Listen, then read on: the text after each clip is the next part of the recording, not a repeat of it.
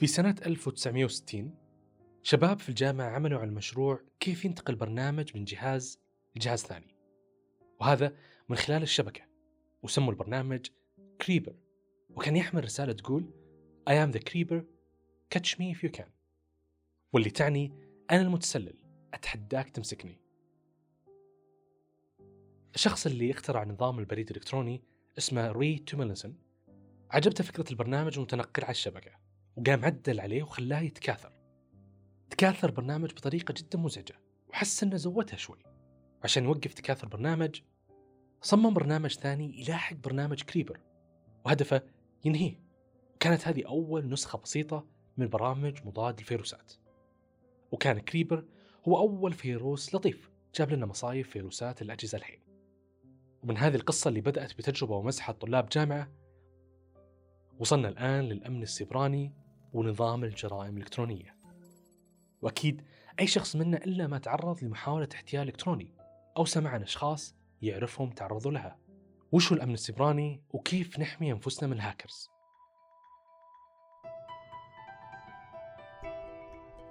مرحبا جميعا. أنا خالد قنيعة وهذا بودكاست عالم جديد المقدم من زين السعودية. مثل ما نشوف حياة أجدادنا مختلفة ونحاول نتخيلها من قصصهم حياتنا كذلك بتكون مختلفة عن أحفادنا مع ثورة التقنية والتغيير. القرن الواحد والعشرين هو قرن ثورة التغيير في حياة كل شخص فينا. صرنا ننجز أمور حياتنا اليومية بطريقة أسرع. بضغطة زر واحدة أقدر أتواصل مع أي شخص في أي مكان. أقدر أتسوق وأنا في البيت. بضغطة زر واحدة العالم كله صار في مدينة. وفي هذا البودكاست راح نستكشف أثر التكنولوجيا على حياتنا اليومية.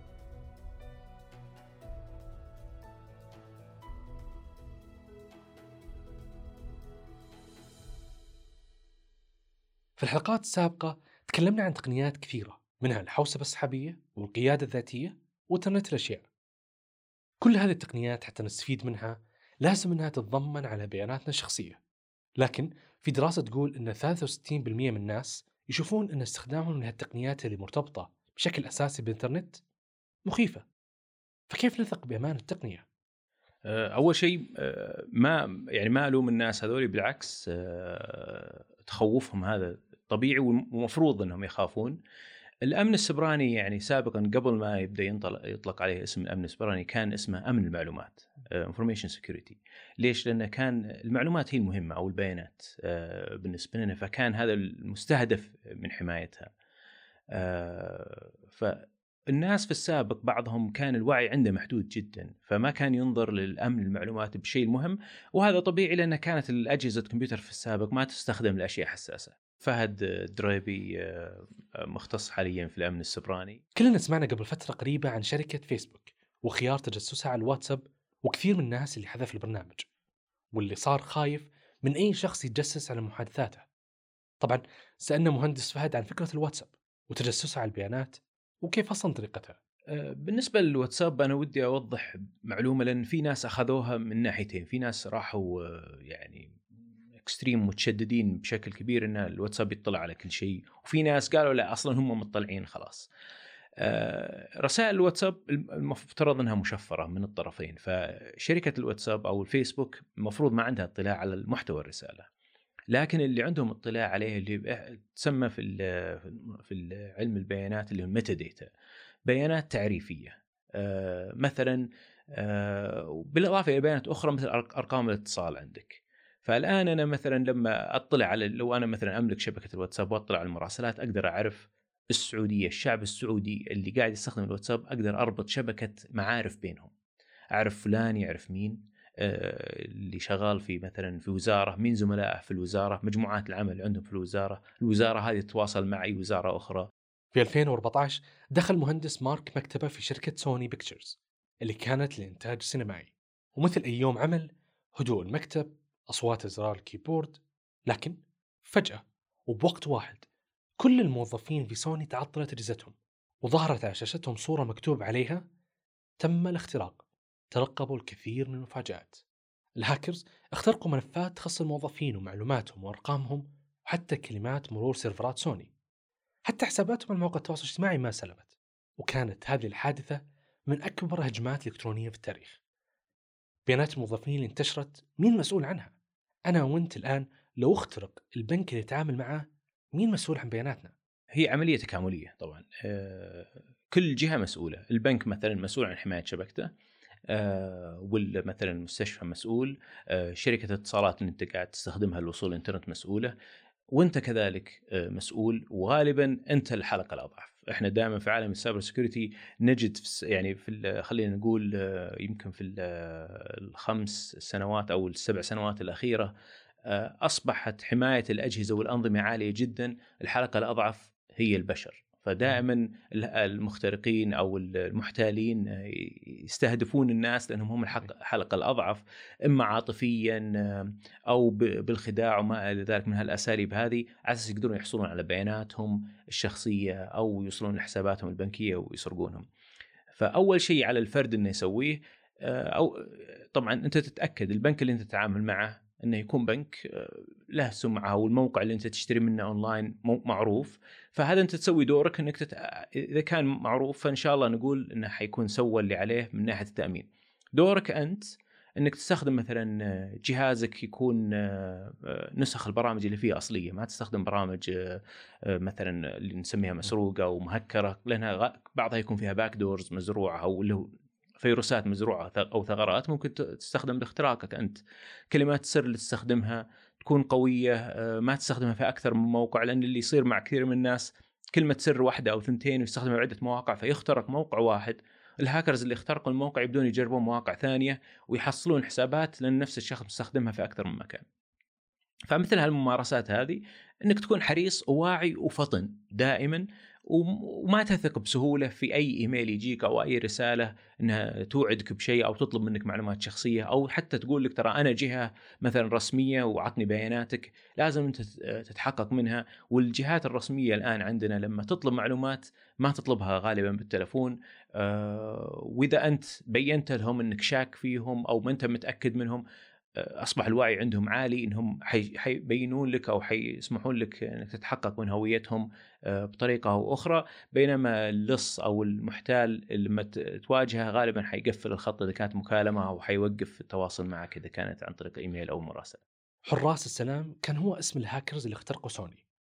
بعد رسالتهم الأولى اللي قالوا فيها انتظروا مفاجآت، سوني ما قدرت تسيطر على الموضوع ولا يعرفون وش مطالبهم، وش يبون الهاكرز عشان ينهون الموضوع. وكانوا طول اليوم ينتظرون هذه المفاجأة لين الساعة 11 بالليل. ولا صار أي شيء. لكن المفاجأة كانت من وكالات الأنباء العالمية واللي وصلتهم رسالة من إيميل باسم لينا. كان يقول أنا واحد من الهاكرز وإحنا نبحث عن المساواة لكن سوني ما تطبق مبدأ المساواة. وأرفقوا في الرسالة واحدة من الملفات المهمة لسوني. الملف هذا هو دليل أنهم فعلا اخترقوا سوني. لكن وش هدفهم؟ وش كان يقصدون بالمساواة؟ وش يخلي أصلا الهاكر يسوي هالشيء مع سوني أو مع شركة أو لك أنت؟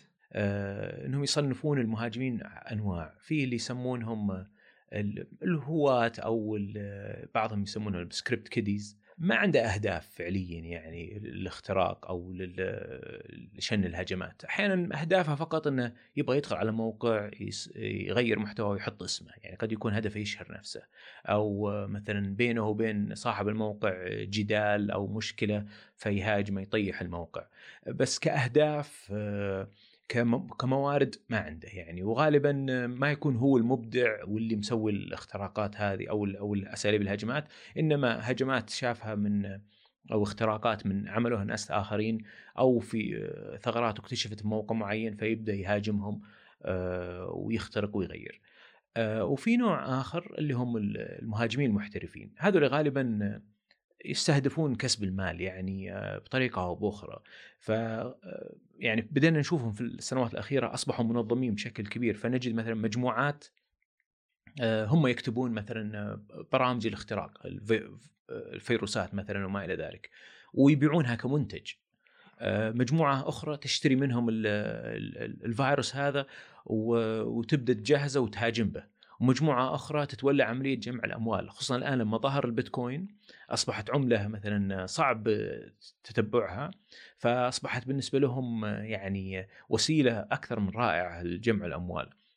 فظهرت اللي هو الرانسوم وير أو برمجيات الفديه أو فيروسات الفديه فأصبحوا يعني مثل ما قلت لكم في مجموعة يبرمجون الفيروس هذا شخص أو مجموعة تشتري منهم ومجموعة اللي تسوقه أو تنشره ومجموعة أخرى أو فريق آخر هو اللي تولي عملية تواصل مع الضحايا وأخذ المال منهم وإعطاهم مفاتيح فك التشفير وما إلى ذلك. في نوع آخر اللي يسمونهم ال hacktivist اللي هو ال activist بس الهاكرز هذول حقوقيين yes آه، فهذه تكون أهدافهم مثلا إيصال أفكار مثلا معارضة لتوجه شركات معينة أو توجه دول فيخترقون مواقع مثلا ويعطون رسائل مثلا سياسية أو حقوقية وما إلى ذلك. فيه الفئة الأخيرة وهي الاحترافية بشكل حقيقي اللي هو يسمونها state sponsored أو الجهات المدعومة من حكومات.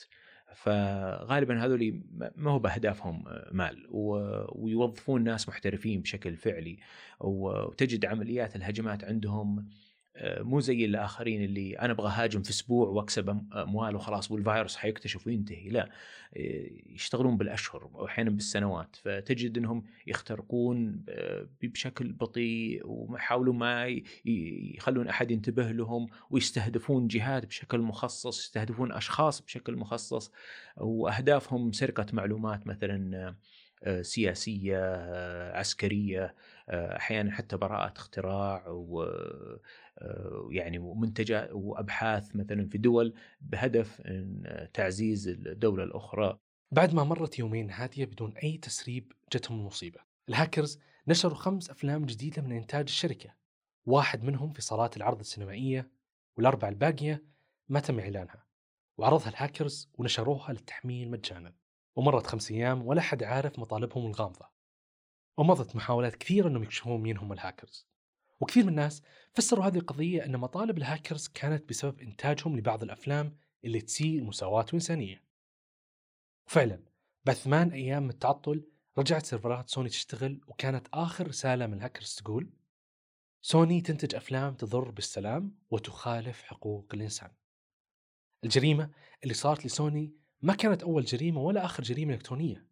شركات وأفراد وكثير منهم في لحظة واحدة وبدون سابق انذار كل بياناتهم تصير خارج عن تحكمهم لأن صعب أننا نتنبأ باللي يسوونه الهاكرز هذه الجرائم لو زادت واستمرت الاقتصاد العالمي راح يخسر أكثر لكن وش ممكن يقدم الذكاء الاصطناعي في حمايتنا من الاختراق؟ في الأمن السبراني نفس الشيء يعني آه، إحنا الآن آه، نتعامل مثلا في السابق مع بيانات محدودة فكانت المراقبة لها تكون بالنظر. شاشة عندك وتشوف بعض البيانات وتراقبها. حجم البيانات الآن اللي, يتم مراقبتها أصبح ضخم جدا فلا يمكن الإنسان العادي إنه يراقبها بسهولة. فبدينا نطلع تقنيات اللي تربط لك البيانات مع بعض. ربط البيانات بالطريقة البدائية ما يعتبر كافي. ليش؟ لأن أنا ممكن آه، لما تكبر عندي البيانات وأبدأ أجيب أساليب آه، ذكية بربط البيانات أقدر أستنتج أشياء آه، وأتوقع أشياء قبل تحصل فهنا يجي دور الذكاء الصناعي إني أوظفه أستفيد من البيانات الموجودة عندي إني أقدر أطور الأجهزة إنها تحميني حتى الأشياء متوقعة قادمة. الذكاء الاصطناعي وجوده في حياتنا يخدمنا في كثير من المجالات وخصوصا في مجال الأمن السيبراني. طبعا يخدمنا بأنه يتوقع هجمات وقرصنة الأجهزة بشكل مسبق. ومع وجود تقنية الجيل الخامس واللي تميزت فيه شركة زين بأنها تملك أكبر شبكة جيل خامس في الشرق الأوسط في 50 مدينة. وبإنترنت أسرع يخلينا دائما على تحديث متواصل ومتزامن مع الوقت الفعلي بدون أي تأخير في فحص البيانات والتأكد من سلامتها وأمانها. وفي الختام تأكد دائما أنك تأمن بياناتك. فعل ميزة المصادقة الثنائية أو اللي نعرفها بالتحقق بخطوتين. طبعا على إيميلك حساباتك في برامج التواصل الاجتماعي التطبيقات في كل مكان. وتذكر دائما بياناتك خلها لك لا تشاركها لأحد. نتمنى أن الحلقة نالت إعجابكم. لا تنسوا الاشتراك في البودكاست حتى يوصلكم كل جديد من عالمنا الجديد. يومكم سعيد. أنا خالد كنعم